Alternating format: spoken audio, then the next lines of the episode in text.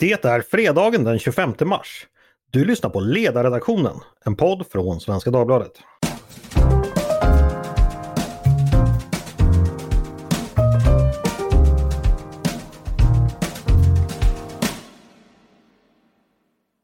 Välkomna!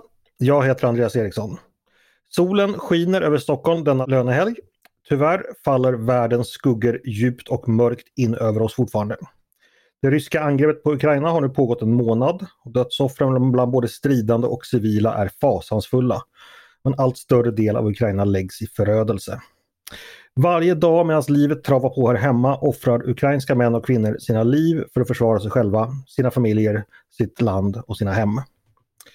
Det kommer vi förstås prata en hel del om idag, men även om annat. Det har blivit dags för en fredagspodd och då vet ni att vi kör en panel med ledarredaktionens medlemmar. Då vi ska tappa dem på allt vad de tror, tycker och känner om samtiden. Och den första av våra tappkranar, han heter Mattias Svensson. Välkommen hit! Tack så mycket! Du, eh, spåren har väl börjat torka upp nu ute i skogen. Har du varit ute på några rundor? Inte i eh, skogen. Det är fortfarande asfalt. Mm, Okej, okay. men snart går det över på, på gräs. Eller grus kanske? Ja, jag har en förkylning jag ska komma över först. Ja, ja men det, det, det kommer gå raskt. Med oss också Peter Wennblad, välkommen! Tack så mycket! Hur är det i Visby? Har våren hunnit komma? Ja, det måste jag säga att den har. Men vi är ju alltid lite senare än fastlandet. Mm. Men så har ni fina höstar å andra sidan? Precis, vi har, våren kommer senare och hösten börjar senare. Så är det. Eh, och sist men absolut inte minst, utan tvärtom mest senior, eh, Maria Ludvigsson, välkommen hit! Tack så mycket! Hur har du det? Tack, jag har det ganska bra faktiskt. Det har blivit lite vår på balkongen här utanför. Mm. Det är ett gott tecken. Det finns ju en växt som inte ens jag kan dö på, ta död på, det är mynta. Ja, vad roligt! Så den, den, mm. den frodas på balkongen? Ja då. Då, då kan du göra sådana här drinkar. Överlever allt. Eh, mojitos och sånt där. Mycket goda sådana. Jättegott. Hörni, eh, vi ska börja då eh, och prata om kriget och en speciell del av kriget som handlar om informationskrigsföring. Eh, det är ju så att eh, ett steg som har tagits är att de ryska mediekanalerna Russia Today och Sputnik har blockerats i Europa. Och då är det helt enkelt så att internetleverantörerna har gjort så att man inte kommer in på deras sidor. Är detta rätt eller fel eller någonting mittemellan. Vad tycker vi om det? Eh, jag tänkte ska börja med dig Mattias. Du har ju till och med gjort en podd om detta i veckan då du fick moderera samtalet. Men dina egna tankar om detta, du har skrivit om det tror jag också. Eh, ja, hur, hur resonerar du i detta fall? Eh, ja, jag är be bekymrad över det här eh, beslutet. Eh, där, därför att, eh, eh in, inte för att det inte, det, det är otvetydigt propagandakanaler. Det är otvetydigt så att eh, det finns ett sätt att arbeta där man skapat eh, kriser, alltså hela upptakten till eh, Putins eh, Donbass-invasion var fabricerade på tv. Så folk såg attacker och dödsfall på tv som fanns i samma stad och fast de inte hade hört någonting så trodde de på det för det var ju, var ju nyheterna. Mm. Eh, så, så det är liksom en, en rätt eh, elakartad eh, typ av, eh, av, av, propaganda som kommer därifrån. Vi såg också, vi har också sett liksom eh, i, i samband med, med proti, protester och missnöje i Europa, allt från gula västarna till flyktingkrisen och annat, hur eh, den här ryska propagandan försöker liksom plocka upp och eh, eh destabilisera mm, mm. Eh, stämningar och, och, och piska upp men, opinioner. Men sen kommer det ett men, så, ett stort men antar jag. Absolut, därför att det här, det här prövar ju yttrandefrihetens principer. Mm. Uh, och är de värda någonting uh, så är det ju just uh, sånt som vi inte tycker om och inte tolererar eh, som vi tillåter. Mm. Det, det, det, det, är så enkelt för dig, liksom, att det, det, ja, det här gamla argumentet kring att yttrandefriheten även ska skydda det som är dåligt, farligt, destruktivt. Låt oss titta på hur det funkar i, i det här fallet. Mm. Eh, det handlar om ett propagandakrig med uppgifter som den ryska staten vill trycka på europeiska befolkningar. Mm. Eh, nu är den propagandan tydligare än på länge och där finns till exempel, då är den ju också eh, ska man komma ihåg, lättare att avslöja. När när de statliga ryska medierna efter 2014 blev mer uppenbart propagandistiska och styrda eh, så var till exempel Alexander Navalny, oppositionsmannen i Ryssland, positiv till det därför att det, det, det här är så smutsigt att det blir lättare att genomskåda, är ett argument. Men vänta, Ett så, så Kreml, alltså, de gör, Kreml gör fel? De är dumma i huvudet som skickar på oss den här propagandan? Man... Nej, de har, de har förstås sina syften och, och sin publik. Eh, som, eh, som de gör det här för. De når ju fram till grupper. Det finns ju inte minst eh, stora ryska minoriteter i många europeiska länder. Mm. Som, som de talar till och där detta är en informationskanal. Så i, eh, i programmet eh, som, som jag modererade mellan eh, Nils Funke och Hynek Pallas så hade ju han klara poänger i att den här typen av propagandasändningar har allvarligare konsekvenser i andra vem, länder. Vem, vem, vem, sa det? Eh, Hynek Pallas. Ja, just det. Eh, och det är också så att, eh, att det har avslöjats direkta spionerihistorier i, i andra ryska medier. Att, att, att man använt liksom den mediala plattformen för eh, rena eh, spionattacker. Och, och, det är ju ett av de starkaste argumenten mot att det är liksom, de härmar medier men i vilken mån är de eh, medier? Och det är ju lite grann en springande punkt kring kring om de ska vara tillåtna eller inte som jag tycker också är, är, är starka motargument. Men... Fast det är väl flera medier som har yttrandefrihet i Sverige? Så att om de är medier eller inte, är det en avgörande fråga tycker du? Eh, nej men om de, eh, eh vi ger ju särskilda Uh, vi har ju liksom en, en, i Sverige har vi en tryckfrihetsförordning till exempel som ger ett starkare grundlagsskydd än, än den generella yttrandefrihetslagstiftningen. Etermedier är traditionellt med liksom stora statliga aktörer också i väst mycket mer kontrollerade än, än, än pressen. Alltså, har har Russia Today utgivningsbevis i Sverige? Det, det, det är mer än jag vet. Nej, men för, du, för du har ju helt rätt i att det finns ju särskilda så att säga, möjligheter för medierna att eh, ja, exempelvis använda en... Ja. Men, men just det här om det är, eh, om de är att betrakta som, som liksom rena propagandaorgan eh, eller om, om liksom syftet uppenbart är liksom att, eh, att, att, skada och sprida osanning. Det är ju liksom det som ställer frågan på sin spets, att de så tydligt används som vapen i ett propagandakrig. Peter, när du hör Mattias han väger för eller emot men verkar ändå luta mot att det är, eller väldigt tydlig med att det är fel att spärra den här typen av kanaler. Vad säger du? Jag ska faktiskt erkänna eh, att jag är otroligt kluven i den här frågan. Mm. Eh, och jag har nog fortfarande inte landat Välkommen till Folkpartiet. du trodde inte om dig. ibland, ibland, ibland händer det att jag inte är tvärsäker. Ja. Eh, nej, men jag tycker att det här är en väldigt svår fråga och den, den kan liksom, jag kan landa i lite olika svar. Alltså jag tycker att det är problematiskt med att det liksom på politisk nivå sker de här man liksom ska försöka blockera de här sändningarna eh, samtidigt som jag kan tycka att det är rätt att man plockar bort dem från liksom olika plattformar. Så att, eh, Eh, du får ingen spännande ståndpunkt från min sida. Jag är, jag är väldigt... Jag tycker att den här är svår med och jag tycker att Mattias har goda argument. Jag tycker att det finns andra som har eh, goda argument och jag, jag lyssnar än och försöker bestämma mig. Men en lyssnande ledarskribent? Uh, ja, jag, jag vet. Vad fan ska vi ha dig till? ja, ja. ja men det... Uh, Mia, nu får du visa vad skåpet ska stå. Ja, ja, nu kommer det. Ni kommer bli förvånade, men jag tycker inte det är en svår fråga. Ja, berätta. Uh, ja, men som vi brukar säga, att det, det, det, politiken sysslar med det är att säga så här, jo principer är viktiga men nu har vi ett exceptionellt läge och så gör de undantag. Det vi sysslar med det är att vidhålla att principerna är som allra viktigast när det är svårt att hålla dem. Det är därför man har principer, mm. inte för att man ska ha dem en lätta utan de svåra dagarna. Eh, så att, att, att, tysta någon, alltså är man för yttrandefrihet så är man för yttrandefrihet, punkt. Mm. Och det man kan göra mot de här nidbilderna, propagandan, lögnerna, det är ju att ge en sann motbild. Mm. Det är det enda som kan eh, Alltså det är ett mycket starkare vapen än att tysta dem som sprider lögn. Mm. Till skillnad från, från eh, Mia och Mattias så har ju jag varit kommunpolitiker så jag vet att principer är en mycket väg, dålig vägledning i den politiska vardagen. Ja, men jag ska snart eh, släppa in dig igen Mattias. Jag ska bara, eh, eftersom ingen riktigt ville ta den andra sidan nu så får jag göra det. Det är ju inte så att yttrandefriheten är absolut. Det finns yttranden som eh, är förbjudna och som jag tror de flesta är överens om att ska vara förbjudna. Exempelvis att man ska kunna mordhota någon eh, i, i, olika kanaler. Det finns ju något klassiskt exempel från amerikansk juridisk debatt att man får inte skrika elden är lös i en rum full av folk, fullt med folk så att folk liksom trampar ner varandra. Så att någonstans finns det ju en gräns. Och då får man ju fråga sig liksom, eh, alltså jag tycker det är lite lätt att säga så här att yttrandefriheten är absolut punkt. Utan man får ändå, varje fall måste ju ändå vägas.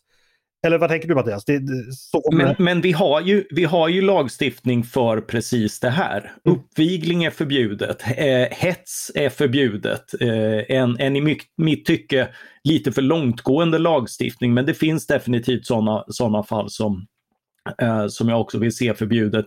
Eh, men vad vi inte gör är att i förhand stänga av eh, budskap och, eh, och utsändningar där, därför att det är så mycket mer eh, omfattande och drakoniskt än att eh, i efterhand bedöma eh, yttranden som går över gränsen. Fast om Sverige skulle vara i krig och det skulle sändas ryska propagandasändningar mm. som imiterade SVT exempelvis från en sändare och svenska försvarsstyrkor slog ut den sändaren.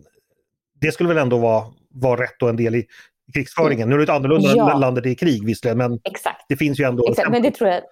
Jo men precis, alltså, i krigstillstånd då har man ju på något sätt passerat eh, en verklighet där principer får gälla. Mm. Ja, fast även kriget.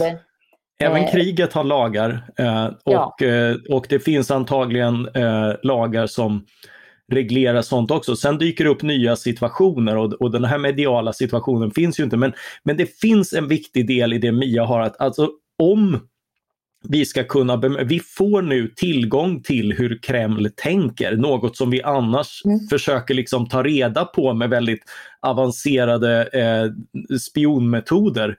Eh, och, och det kan man ju se som en fördel, alltså yttrandefriheten är ju inte sällan vår vän när det kommer också till extremister, för det är de tenderar att liksom avslöja sina planer, säga för mycket, vilja få ut en propaganda som förvisso tilltalar en del men också avslöjar väldigt mycket. Det är ju helt sant och det, det, kan jag själv, jag tänker ju så när jag exempelvis i sociala medier fyll, förföljer många väldigt utpräglade påverkanskonton. Eh, vilket kanske är lite synd för det innebär att mina följare ibland får se dem men jag tycker det är väldigt lärorikt att se vilka narrativ som, som fienden just nu vill prångla ut. Eh, och... är det inte någonting i detta också, det här lite, alltså när verkligheten finns där så kan man inte försöka göra om den genom att låtsas som att den inte finns. Alltså, både trollkonton och, och, propaganda finns och då är det att det finns där oavsett vad mm. och det är bättre att det finns tillgängligt för alla så att man kan förhålla sig till det. Sen kan jag också ha lite problem med det här, om man pratar principer så är det alltid någon som säger så lätt är det inte. Och nej, principer är inte lätt. Men de finns där för att det, inte ska, för att det ska finnas, att man i, i, i fredstid ska kunna sätta ner, sitta ner i lugn och ro och verkligen ha tid och råd att eh, resonera om vad som är rätt och fel och sen, för att sen kunna luta sig mot det när det är svårare. Och sen en aspekt här som jag också tänker på när det gäller liksom, eh, med principer. Vems rättigheter är det som kränks? Jag kanske inte bekymrar mig så mycket över att Russia Today och Sputniks rättigheter kränks. Men däremot jag som internetkonsument eller mediekonsument mm. som kommer in på en sida som jag helt enkelt inte får se. Det är ju ett, en kränkning av mina rättigheter att få leta upp den information jag själv söker. Eh, absolut, här är ju en skillnad mot eh, sanktioner där liksom ett motargument är att det slår mot vanliga ryssar. Det här det kan ju inte användas för den här sanktionen för det står ju, slår ju mot den ryska staten och dess redskap och är i den meningen ganska välriktat. Mm. En fråga, mm. blev ni inte lite förvånade över att det tydligen var så lätt att eh, via sanktioner slå ut delar av det europeiska medielandskapet? Eh, det blev jag. Jo. Att de möjligheterna ja. fanns. Ja, förvånad och lite förfärad. Ja, två, två saker tycker jag. Alltså dels att eh, det gick och dels villkoren. Eh, därför att det är inte bara villkorat av att kriget ska ta slut utan att eh, den här typen av propagandabudskap helt upphör innan det ska tillåtas igen. Det vill säga Mm. Eh, och, och, det senare kravet är ju oerhört långtgående och väldigt subjektivt. Nej men för jag försökte ju titta, fundera lite på vilket lagrum det här handlar om och eh, Då fick jag av en, av en vänlig själ eh, på Twitter ett tips. Jag hoppas att jag är rätt ute här men det är då en lag som handlar just om eh, vissa internationella sanktioner då regeringen helt enkelt kan eh, eh, meddela föreskrifter om förbud som syftar till att genomföra sanktioner mot en stat, ett område eller en fysisk eller juridisk person. Eh, och det verkar vara väldigt vittgående för det, det, kan gälla då tillverkning, kommunikationer, kreditgivning, näringsverksamhet, ut, undervisning och utbildning och så vidare. Alltså det har att göra med in och utförsel av varor och pengar i landet. Så att den här sanktionsmöjligheten då är väldigt vid. Och det, ja, det, det överraskade mig. Det kanske det är förvånande att vi inte haft en större diskussion om det än, det, än vi ja, haft. Särskilt i Sverige, för jag menar ett, eh, ett budskap från EU-kommissionen när det här kommunicerades. Eh, det var, det var rådet eh, som är alla statschefer som, som fattade beslutet men, men det kommunicerades av kommissionen. och då var ett argument att det här är inte ett ingrepp i yttrandefriheten för det handlar bara om distributionen. Och det är ju ett argument som svenskar känner igen mm. från andra världskriget när, när Hitlerkritiska tidningar inte censurerades för man, mm. man gav sig inte på innehållet i tidningarna men de fick inte distribueras på det statliga järnvägsmonopolet. Mm. Så var det. Nej men det, det, är ju så att för att regeringen ska kunna fatta sådana beslut så måste det då vara internationella sanktioner som antingen är beslutade av Europeiska unionen eller Förenta nationernas säkerhetsråd. Det är de två så att säga, som sanktionerna måste utgå ifrån. Eh, Mattias, i podden, eh, kom, ni varandra, eller kom de två kombatanterna varandra närmare eller kom det något konsensus eller vad kom det ut av det hela? Ja och nej, alltså eh, man landade på olika sidor av det här svåra beslutet men, eh, men, och, och delvis så ifrågasatte man varandras bild. Därför, därför att Hynek var ju väldigt inne på att att, att det här eh, Russia Today får väldigt destruktiva konsekvenser i, eh, i delar av Östeuropa och Nils Funk ifrågasatte hur, eh, hur stora de, de möjligheterna var. Men, eh, men, men precis som alltid en, eh, en diskussion med goda argument för, för båda hållningar och, eh, och frågor kring, kring bådas beskrivning av mm. eh, världsbilden. Men då rekommenderar vi helt enkelt lyssning eh, av onsdagens podd eh, var det väl. Där Nils Funke och Hynek Pallas diskuterade huruvida det är rätt att svenska internetleverantörer på uppdrag av Sveriges regering och Europeiska unionen eh, spärrar tillgången till Russia Today och Sputnik. Vi ska gå vidare. Eh, kriget har ju också inspirerat andra att fatta pennan, eh, ibland med vådliga konsekvenser. Eh, bland annat våra grannar i huset på Aftonbladet, där Aftonbladet ledaren här har bestämt. Där har de dristiga i veckan kunnat läsa en artikel med rubriken, eh, och nu citerar jag, Våra miljardärer är inte bättre än ryska oligarker. Eh, vänder mig till Mia den här gången. Vad kände du inför den texten och den rubben? Jag tycker det är groteskt. Groteskt? Alltså, till och med Afton, ja, groteskt. Alltså, Aftonbladet har ju en tradition av att eh, uttrycka sig på sätt som jag aldrig någonsin skulle, om jag vore redaktör skulle jag aldrig någonsin tillåta det. Därför att det, det förstör eh, debatten om viktiga saker. Och det här är ju inget undantag. Så det här, jag var inte så förvånad men det är ändå det är rätt motbjudande. Det är alltså Stina Aldevani som är författare till artikeln. Stina Aldevani, precis, det är hon som skriver. Eh, och hon, det hon gör är egentligen att jämföra hedliga människor som har gjort det bra, har arbetat hårt, har, eller oavsett om de har gjort det eller inte, de har företag, de har pengar, de har miljoner, en del har miljarder. Eh, och det här tycker hon är att likställa med oligarkerna som sitter i Putins knä. Mm. Det är ju motbjudande. Jag förstår att det är vänsterns desperata sätt att försöka liksom, eh, knipa en egen poäng på ett, eh, vad ska vi säga, ett styre. Alltså de, de, vänstern har ju sedan länge haft en förkärlek till det som hände i Sovjet framför hur det såg ut i, i eh, USA till exempel. Så det, det, här är mitt i blinken för hur de vill, eh, hur de vill jämföra och säga att det är lika illa i Sverige. Mm. Um, och, och, sen så gör hon också det här typiska som är, i sig tycker jag är ohederligt rent ekonomiskt. De säger då att de svenska oligarkerna då, eller miljardärerna, de äger hälften av svensk BNP. Och det är också en syn på BNP som om det egentligen är staten som äger all BNP, alltså allt värde i vårt land. Mitt köksbord eller vad som helst, allting som ägs i Sverige räknar hon som någonting som är det BNP så är det någonting som staten ska äga. Det är ett problem om hälften av det ägs av några eh, rikingar. Mm. Istället så borde det förstatligas. Måttet är kanske lite tveksamt också eftersom BNP är ju något det är något som tillhör resultaträkningen medan ägande tillhör ju så att säga balansräkningen. Eh, Just det. Ja, det, det. Man blandar ihop lite där. Men du låter mm. arg på riktigt faktiskt över det här. Alltså, du, du, det här tycker du inte... Det, ja, men det är ohederligt. ohederligt ja. och, jag tycker det, och det är också faktiskt, och den där sidan, alltså den där tidningen. Eh, dels så är det, det är krig i Europa, i vår närhet. Och de har mage att använda sådana här oerhört billiga grepp som man kanske skulle kunna göra i en debatt mellan en SSU-are och en muffare någon gång på 90-talet. Mm. Men, men det hör inte hemma nu. Sen har ju de en tradition av att gå över gränser. Anders Lindberg har ju bland annat jämfört Ulf Kristersson med von Papen. Så att det, hon har ju en redaktör som släpper fram det här som är av samma skrot och korn. Mm.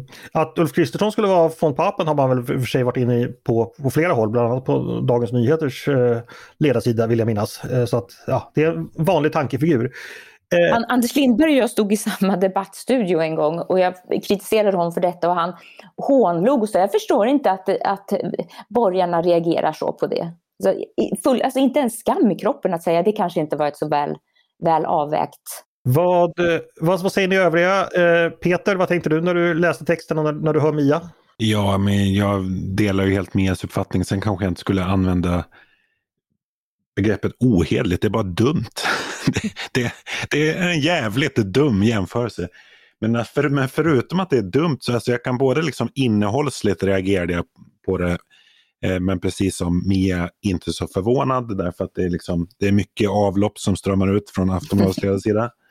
Eh, men ur ett så här, chefsperspektiv, alltså jag sitter ju emellanåt själv i samma position som Anders Lindberg, det vill säga som biträdande chef. Ibland är jag chef på riktigt och tar ställning till liksom mina kollegors texter. Och Det här är liksom en typ av rubrik som man, en extremt hårdragen rubrik som man kanske kan dra lite på skämt i, i diskussionen på morgonmötet eller något sånt där. Men, men om jag fick en sån text för påseende så hade, då hade jag ju skickat tillbaka den direkt. Bara, Vet du vad, jag förstår här hur du tänker, att du vill göra en väldigt drastisk liknelse, men det här är faktiskt idiotiskt. Liksom. Gör om, gör rätt. Men eh, det filtret finns uppenbarligen inte mm. Nej, i andra änden av vårt hus. Det är hårda ord. Eh, Mattias? Ja, alltså jag har ju två texter i helgen där jag känt oerhörd sekundärskam för socialdemokrater. En om eh, Gabriel Wikströms rapport kring Agenda, äh, Agenda 2030 och en om eh, den narkotikautredning som i helgen lanserades av Morgan Johansson och Lena Hallengren. Eh, så jag har liksom inte den, jag har ingen empati eh, kvar så jag får gå direkt på sakuppgifterna och rekommendera Ruchir Sharmas eminenta bok The Rise and Fall of Nations som kom mm. för ett par år sedan. För han skiljer just mellan goda och dåliga miljardärer som en indikation på om en ekonomi är är bra eller dålig och går igenom just skillnaden mellan svenska och ryska miljardärer i stort sett. Därför att de ryska blir rika på exakt det sätt som sällan är bra för ett samhälle. Det är utvinning av naturresurser, sånt som man kan komma till genom att eh, vara bekväm med makten, genom korruption eller genom våld eller både och som i Ryssland. Eh, medan Sverige har fått miljardärer som eh, från ett litet land byggt en stark position genom att sälja till konkurrensutsatta marknader och det är allt ifrån IKEA till, till Spotify. Eh, och den typen av, av miljardärer indikerar snarare att, att någonting är bra i ett samhälle. De har inte kunnat, kunnat liksom muta och fuska sig till den typen av position därför att den har de väsentligen vunnit genom tillträde till andra länder. Mm. Men det var ju mycket konstruktivt och bra Mattias, alltså bort från polemiken in på sak, sakkunskapen här och ett boktips fick vi också. Ja, sen ska det ju också sägas att eh, det stämmer ju att eh, alltså skillnaderna Eh, ekonomiska skillnader har ökat och ekonomiska skillnader i kapital har ökat mer än annat och det handlar inte bara om en sund ekonomi utan också som jag ofta varit inne på om penningpolitiska stimulanser. Det är, det är även Rushir Sharma inne på. Så det har varit väldigt lätt de senaste åren att vara miljardär. Eh, staten har tagit väl hand om dem, lite för väl hand om dem och det är en anledning till in ökade eh, inkomst och egendomsskillnader som, som man inte heller bör bejaka från från vårt håll. Mm. Mia, tillbaks till dig som hade den ursprungliga bollen. Eh, varför går Aftonbladets ledarsida så här jäkligt hårt på våra svenska miljardärer? Ska vi tolka in någonting i det eller är det bara allmänt, allmänt fulspel? Jag tror de lägger upp en boll här som de ska smasha in inför valrörelsen. Mm. Det kommer bli mycket eh, de kommer, de kommer fortsätta med beskrivningen av att antingen så har man sjukvård eh, eller så har man inte sjukvård för då går alla pengarna till miljardärerna. Alltså om inte de rika betalar mer i skatt så är de parasiter som tar pengar från de som behöver det mer. Mm. Okay, så... som, återigen, som om pengarna först och främst, oavsett vems det är, om det är en, en enkel sparare eller någon med mycket pengar, vem, så är synen att pengarna är först och främst statens. Mm. Så du ser ändå någon form av politisk strategi bakom det här? Då, som är... Ja, de har nog alltid samma strategi tror jag. Mm. Det är alltid valår. Precis, och ni vet ju vad borgerligheten gör när det är valår. Då använder man amerikanska metoder. Eh, det kan man läsa varje valrörelse på Aftonbladets ledarsida. Att nu har borgarna varit i USA och lärt sig amerikanska metoder. Så nu kommer det bli smutskastning och eh, negative campaigning i den allra senaste från USA. Så nu Alla blir Nixon. Ja, precis. Så var vi tillbaka på 90-talet igen. ja, exakt. Jaha, eh, det om det om, om grannsidan. Det lär bli spänt när vi möts i, i hissarna på Västra Järnvägsgatan, men det får det vara värt. Eh, vi ska gå vidare och eh, ja, då, nu lämnar vi nog kriget kanske helt och hållet för nu ska vi prata pass nämligen. Eh, det har ju varit som ni alla vet passkaos. Eh, stackars svenskar som har suttit i, eh, hemma och i karantän och inlåsta i två års tid som nu vill ut och eh, till playan eh, kan inte göra det för att nästa passtid är i Jukkasjärvi i november eller liknande. Eh, Peter, du skrev om det här i veckan och du har funderat över saken. Vad, ja, vad har du att säga? Ja, vad har jag att säga? Ja, det är, jag är ganska fascinerad måste jag säga över eh, polisens uppenbara inkompetens. Här. För det kan ju knappast ha kommit som någon överraskning att det skulle bli en stor efterfrågan på passförnyelse när restriktioner lättade. Eh, och, eller, och det kom de facto inte ens som en överraskning för polisen. De har haft med det här i sina egna prognoser, sin egen verksamhetsplanering. Men trots detta har man uppenbart inte liksom stärkt upp sin organisation och liksom rustat med eh, människor och resurser för att kunna hålla jämna steg med, med den här efterfrågan på eh, passförnyelse. Och det kan man ju tycka är ett, ett eh, liksom ilandsproblem att vi måste stanna hemma några månader till, att man inte kan åka till Barbados eller åka eh, på alpresa. Men eh, jag tycker det finns, ett, det finns faktiskt ett stort allvar här. Alltså, rörelsefriheten eh, är liksom, grunden är inskriven i i grundlagen att liksom, eh, som medborgare i Sverige så ska man fritt kunna både lämna landet och eh, återvända.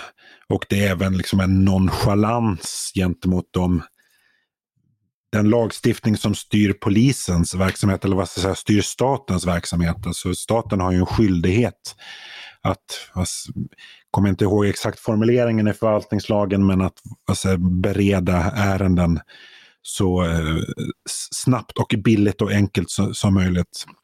Eh, och så är det ju uppenbarligen inte i det här fallet. Utan jag, jag ser liksom ingen förklar annan förklaring till det här än en ren nonchalans från polisens sida. Och det ska sägas att jag har fått mycket reaktioner på den här texten och även inifrån, inifrån polisen och som bekräftar den bilden att de såg det här komma men de gjorde inte någonting för att förhindra den. En fascinerande detalj här det är ju det att, eh, som har upptäckts då att man kan eh, på ofog eller liksom på späck eh, boka massa tider, vilket man då programmerar bottar för att boka upp massa lediga passtider. Och detta eh, kan man tydligen inte göra någonting åt. Och det är då delvis orsaken till att det inte finns några tider. Det låter ju, det, det var någon sak som förvånade mig att man, ja, eller har, har du, har du grävt någon, någonting det? Ja, grävt är väl ta i, men, men så är det. Det har liksom inte funnits några trösklar för att boka upp tider, utan du har kunnat gå in och i, boka upp hur många tider som helst. Och det är ju därför det har uppstått då handel med mm. att man liksom det finns annonser lite här och var där man kan köpa sig en, en passförnyelsetid. Mm. Då doftar det ju bananrepublik. Liksom. Ja, det doftar Chiquita verkligen. Alltså, det, är, det är rena El Salvador 1951. Nej, men det, det, det, har, har du blivit blåst på din resa, Andreas? Vad sa du? Om jag blivit? Blåst på din resa? Du... Nej, det har jag inte. Jag, jag har faktiskt ett pass som jag förnyade ganska nyligen. Nej, men det, det är ju rena Tintin. Det är ju liksom general Tapioca. Alltså det är ju den nivån. Och, men vi har alltså ingen förklaring mer än att man liksom har nonchatt saker har fallit mellan stolarna. Det har bara blivit så här. Ja, eller sen, sen ska jag säga det här är ju vad säger, gamla försyndelser också. Polisen har konsekvent haft svårt att hålla nere köerna eh, för pass i ja, senaste tio åren. Det var ju även köer förra våren. Eh, och det blir också en så pikant detalj i sammanhanget att då uppmanade ju polisen de som inte hade inplanerade resor under 2021 att vänta med sin passförnyelse till hösten 2021 eller till i år. Eh, och detta var, är då vad som möter den som följde polisens uppmaning, nämligen att då får man vänta ytterligare minst ett halvår på mm. sitt nya pass. Så är det för mig, det är därför jag har pass förresten. För jag som känner inte så mycket flygskam eller covidskam har faktiskt varit ute och rest under 2021. Så då fixade jag pass och då gick det relativt, relativt enkelt. Jaha, ja, det var ju tråkigt att det blev så här. Eh, kommer det lösa sig? Nej, jag tror faktiskt inte det. Polisen har varit liksom märkligt passiv i sin både sin kommunikation och fast säga, de, de åtgärder de kommunicerat. Att ja, nej, men nu, nu, nu gör vi vad vi kan ungefär. Men, eh, ja. men, men att problemen kommer kvarstå under överskådlig tid. Så att jag har inga större förhoppningar om att min egen resa i maj kommer att kunna äga rum. Jag har ett giltigt pass men min sambo har det inte. Jaha, hon kanske får passa på att njuta av den svenska våren istället. Tråkigt. Passa på! Ja. eh, påpassligt. Hörni, eh, vi ska gå vidare och jag håller, ska hålla fast för dig Peter som tidigare ansvarig utgivare och eh, ja, numera eh, redaktionens stora gräv, grävling. Eh, vi har fått en läsarfråga som handlar om anonymitet. Eh, om man då så att man har uppgifter man vill dela med sig med, med oss eller med journalister. Kan man vara anonym? Kan man vara anonym mot, mot liksom omvärlden och kan man till och med vara anonym mot, mot oss, mot, mot redaktionen? Peter, kan du reda ut detta lite så att läsarna vet? Ja, det korta svaret är ja. Mm. Eh, du kan vara anonym mot omvärlden. Eh, och alla som vänder sig till en, eh, en tidning, oavsett om det är till nyhetsredaktion eller ledarredaktion, så omfattas man ju av källskydd. Ehm, men du kan också vara anonym ehm, gentemot, alltså om du vänder dig till mig eh, som enskild medarbetare. Så jag källskyddar dig men du kan också vara anonym i liksom kommunikationen eh, med mig. Men sen ställer det ju alltså, särskilda som journalist gör jag en annan bedömning av, eller måste jag ju vad säger, säkra tillförlitligheten i de uppgifter som eh, lämnas på ett möjligen lite annat sätt. Eh, om jag får anonyma uppgifter än om, om eh, mm. det kommer från någon som jag vet om. Jag kan ta ett väldigt konkret exempel här för det var i januari som jag då avslöjade förekomsten av de här eh, coronadokumentationen som eh, regeringen hävdade inte, eller pandemidokumentationen som regeringen hävdade inte fanns. Eh, och det var ju ett eh, vad säger, en anonym kontakt som jag eh, fick inifrån eh, regeringskansliet. Men där så fick jag ju den källan att även höra av sig på, eller alltså jag ställde ganska många kontrollfrågor helt enkelt för att kunna liksom försäkra mig om att den här personen fanns mm. där den påstår sig finnas. Så.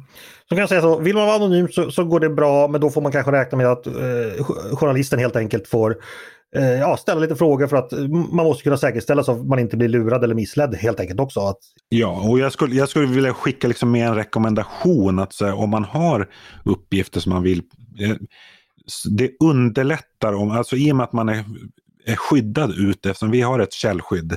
Det finns ingen risk för att bli, bli röjd utan det är bara jag som enskild medarbetare som vet vem du är. Mm. Så är det, det är alltid jag skulle säga, det är större sannolikhet att, att jag tar uppgifterna på allvar och gör någonting med dem om jag, om jag vet vem det är som jag eh, har kontakt med. Mm. Och det skulle sägas det här med källskyddet, det är ju dels i den journalistiska professionen är det heligt men det finns ju också lagar om detta helt enkelt att som journalist så ska du skydda dina källor annars eh, får du straff helt enkelt. Det är, det är straffbart att, att röja källor. Precis. Eh, så det är viktigt att komma ihåg och det är just för att man ska känna sig trygg att eh, journalisten inte ska ja, efter några järn på krogen prata vitt och brett utan eh, det får man inte göra. Och det kan väl jag säga att eh, jag är inte journalist själv men jag känner väldigt många journalister och det är någonting man tar mycket, mycket, mycket, mycket allvarligt. Hörni, eh, då hade vi den läsarfrågan. Hör gärna av er till oss med fler läsarfrågor så funkar en ledarredaktion eller en redaktion generellt. Det tycker vi jättemycket om att svara på. Då har det blivit dags att avrunda och det ska vi göra på det vanliga eh, trevliga och behagfulla sättet att vi ställer en liten fråga till panelen av det lättsammare slaget. Och i helgen är det ju inte bara lönehelg och det är inte bara våffeldag, det är också att vi ska ställa om klockan. En del som jag och andra kloka människor eh, så, som eh, påven och Martin Luther King och andra tycker det här är fantastiskt att man får ställa om klockan. Andra som Putin, Genghis khan och Darth Sidious, de är emot det. Men man får tycka vad man vill. Fortfarande har ljuset överhanden och man, vi ställer om klockan då för att få de här ljuvliga, ljusa julikvällarna. Men nu ska ni få ställa om klockan och göra det i fantasin. Nu ska ni få välja en politisk timme som ni skulle vilja ska få skruva tillbaka klockan till eller om ni är lite modiga och vill förutsäga framtiden, skruva fram klockan till. Ja, vem vill börja? Vem, vem har en timme? Vem vill skruva på klockan först? Jag kan börja då. Mia börjar, låt höra. Mm. Det här är så här, sedelärande, det här är bara nyttigt att vi repeterar. Jag skulle vilja gå tillbaka till våren 1992 mm. när man i Sveriges riksdag antog eh, proposition 1991-92 kolon 69 om privatisering av statligt ägda företag etc. Mm -hmm. näringsminister Per Westerberg från Sörmland som då började sälja ut sånt som Procordia.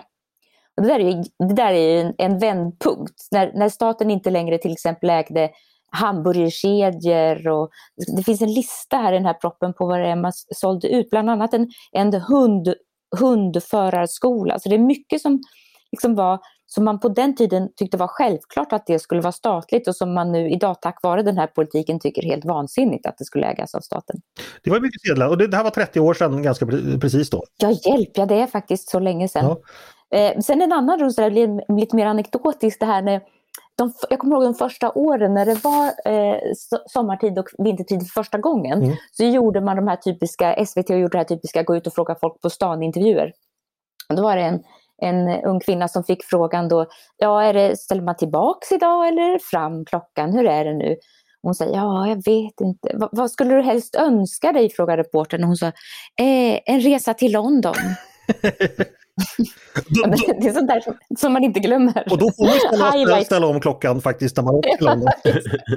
det, så kvick var dock inte reportern Andreas. Nej, nej, nej. Okay, men... men, de, men de sänder det. Men vi har blivit snabbare idag när vi har internet och, ja. och sådana saker och har poddar istället för trötta Sveriges Television. Och Fast, nota bene, Sveriges Television gör fortfarande detta grepp tycker jag allt för ofta. De går ut och frågar mannen på gatan om vad tycker du om det ena och det andra och så är det fullständigt intetsägande. Ja, när de pallrar sig ända upp till, de går från Radiohuset upp till Karlaplan eller så. Ja. Drottninggatan är populär också. Ja, dit kanske de åker ibland. Jaha, mm. nej, men det tackar vi för. 1992 ställer vi om klockan till och då kan vi dessutom uppleva att Pernilla Wiberg tog guld i storslalom i Albertville. Mm. Samt att eh, vad var det för låtar det året? Vad var det året som eh, Nevermind med Nirvana kom? Jag skulle tro det. Ah. Eh, eller ett år tidigare kanske. Eh, Peter, vad säger du? Jag skulle vilja, vi, vi fastnar ju, du var ju var ju inne på det här precis. Vi, fast, vi är, ju, ofta väldigt 90-tals nostalgiska. 90-talet var, 90 var en fin och oskyldig tid. Mm. Eh, och som ju tog slut på morgonen den 11 september 2001. Så var det. Eh, så att jag tänker att jag skulle vilja vrida tillbaka klockan en timme den där morgonen den 11 september 2001 och plocka de här, hur många var de? 24 terroristerna i säkerhetskontrollen på mm. Logan ja. Airport och på Newark och vad det nu var. Jag tror att vi hade haft en Världen hade sett lite annorlunda ut. Det hade fortfarande varit 90-tal. Simpsons hade fortfarande gjort briljanta säsonger. vi, hade varit, vi hade inte åldrats. Exakt, man hade kunnat gå på, på, på Various på, på tuben varje måndag och, och dansa till Chemical Brothers och liknande. Ja, eh, så gick det inte tyvärr, men jag gillar hur du tänker Peter. Jag gillar verkligen hur du tänker. Eh, två 90-tals eh, nostalgiker har, har gett sitt. Vi tar in den tredje Mattias. Vilket datum på 90-talet vill du återuppleva? Trilla inte av stolen nu men eh, eh mitt, eh, jag, jag plockar eh, valnatten 1991. därför att eh, som alla inblandade vet och en anledning till att politiska konflikter är så obönhörliga är att det är fantastiskt roligt att vinna val. Eh, jag har inte upplevt det så ofta i mitt liv eh, men eh, vid två tillfällen, 1991 och 2003 i euroomröstningen. Men 1991 var jag ung och grön. Vi har då jobbat med MUFs telemarketing, värvat 36 procent tror jag förstagångsväljarna sätter oss på tåg till Växjö som har en ännu häftigare mufflokal. Kommer dit, ser första prognosen och gör amatörmisstaget att eh, ta det här som Sverige. Det här var innan valundersökningarnas tid utan då trillade det in från de första distrikten som är små och från Norrland och visade att det har gått åt helvete. Allt jobb har varit förgäves. Vad, vad gör man då? Jo, det återstår bara att dricka oss fulla. Eh, så den där timmen när jag sov på bardisken i eh, Växjö mufflokal när, när festen var som hetast. Den skulle jag skruva tillbaka och, eh, och, och eh, minusa några shots eh, och uppleva i ett bättre tillstånd. Redaktionen vill återuppliva sovande på bardisken i Växjö 1991. Vi måste få in... Nej, tvärtom, avliva. ah, okay. Vi måste få in ungdomar på den här redaktionen. Eh, kära människor födda efter millennieskiftet, skicka omedelbart ansökningsbrev och CV så vi kan förnya denna, denna ålderstigna skara. Ja, nej, nej det, var, det var fint eh, Mattias. Det, det, det var roligt att du har fått vinna två val genom, genom historien. Eh, 2003 vann, du, vann du ju... Men även 2006 var ju ganska eh, stort. Ja. Då var jag i småbarnsåren och satt ah. hemma. jag, jag, jag, mitt starkaste minne från valnatten 2006 är att den eh, liberala debattören Fredrik Segerfeldt står och skriker Vi är befriade! Han hade höga förhoppningar. Jag har något minne från den natten att jag var på Nalen sent på natten och dansade med Maud Olofsson. Eh, det var nog inte bara jag, men vi stod i liksom en ring och dansade runt Maud. Och så, tror jag. Ja, eh, det var länge sedan och mycket har hänt sedan dess. Eh, nu så ska jag låta er skruva fram klockan som ni vill, eller nu ska jag släppa er fria och ta helg faktiskt. Eh, stort tack för att ni ville vara med och prata om veckans händelser. Tack Andreas. Kom, kom, kom ihåg att det är lönehelg så man måste flagga. Just det, det har ju Just det. instiftat. Så att, eh, spring in och hämta flaggan som förhoppningsvis ligger prydligt ihopvikt utan att visa något gult och häng upp den. Eh, och stort tack till er som har lyssnat förstås också på oss eh, på ledarredaktionen, en podd från Svenska Dagbladet. Ni är varmt välkomna att som vanligt höra av er till redaktionen med tankar, synpunkter och frågor utifrån det vi precis diskuterat eller på förslag på saker vi ska ta upp i framtiden. Maila då ledarsidan snabeldag svd.se. Dagens producent, han heter som vanligt Jesper Sandström. Jag heter som vanligt Andreas Eriksson och jag hoppas som vanligt att vi hörs igen snart.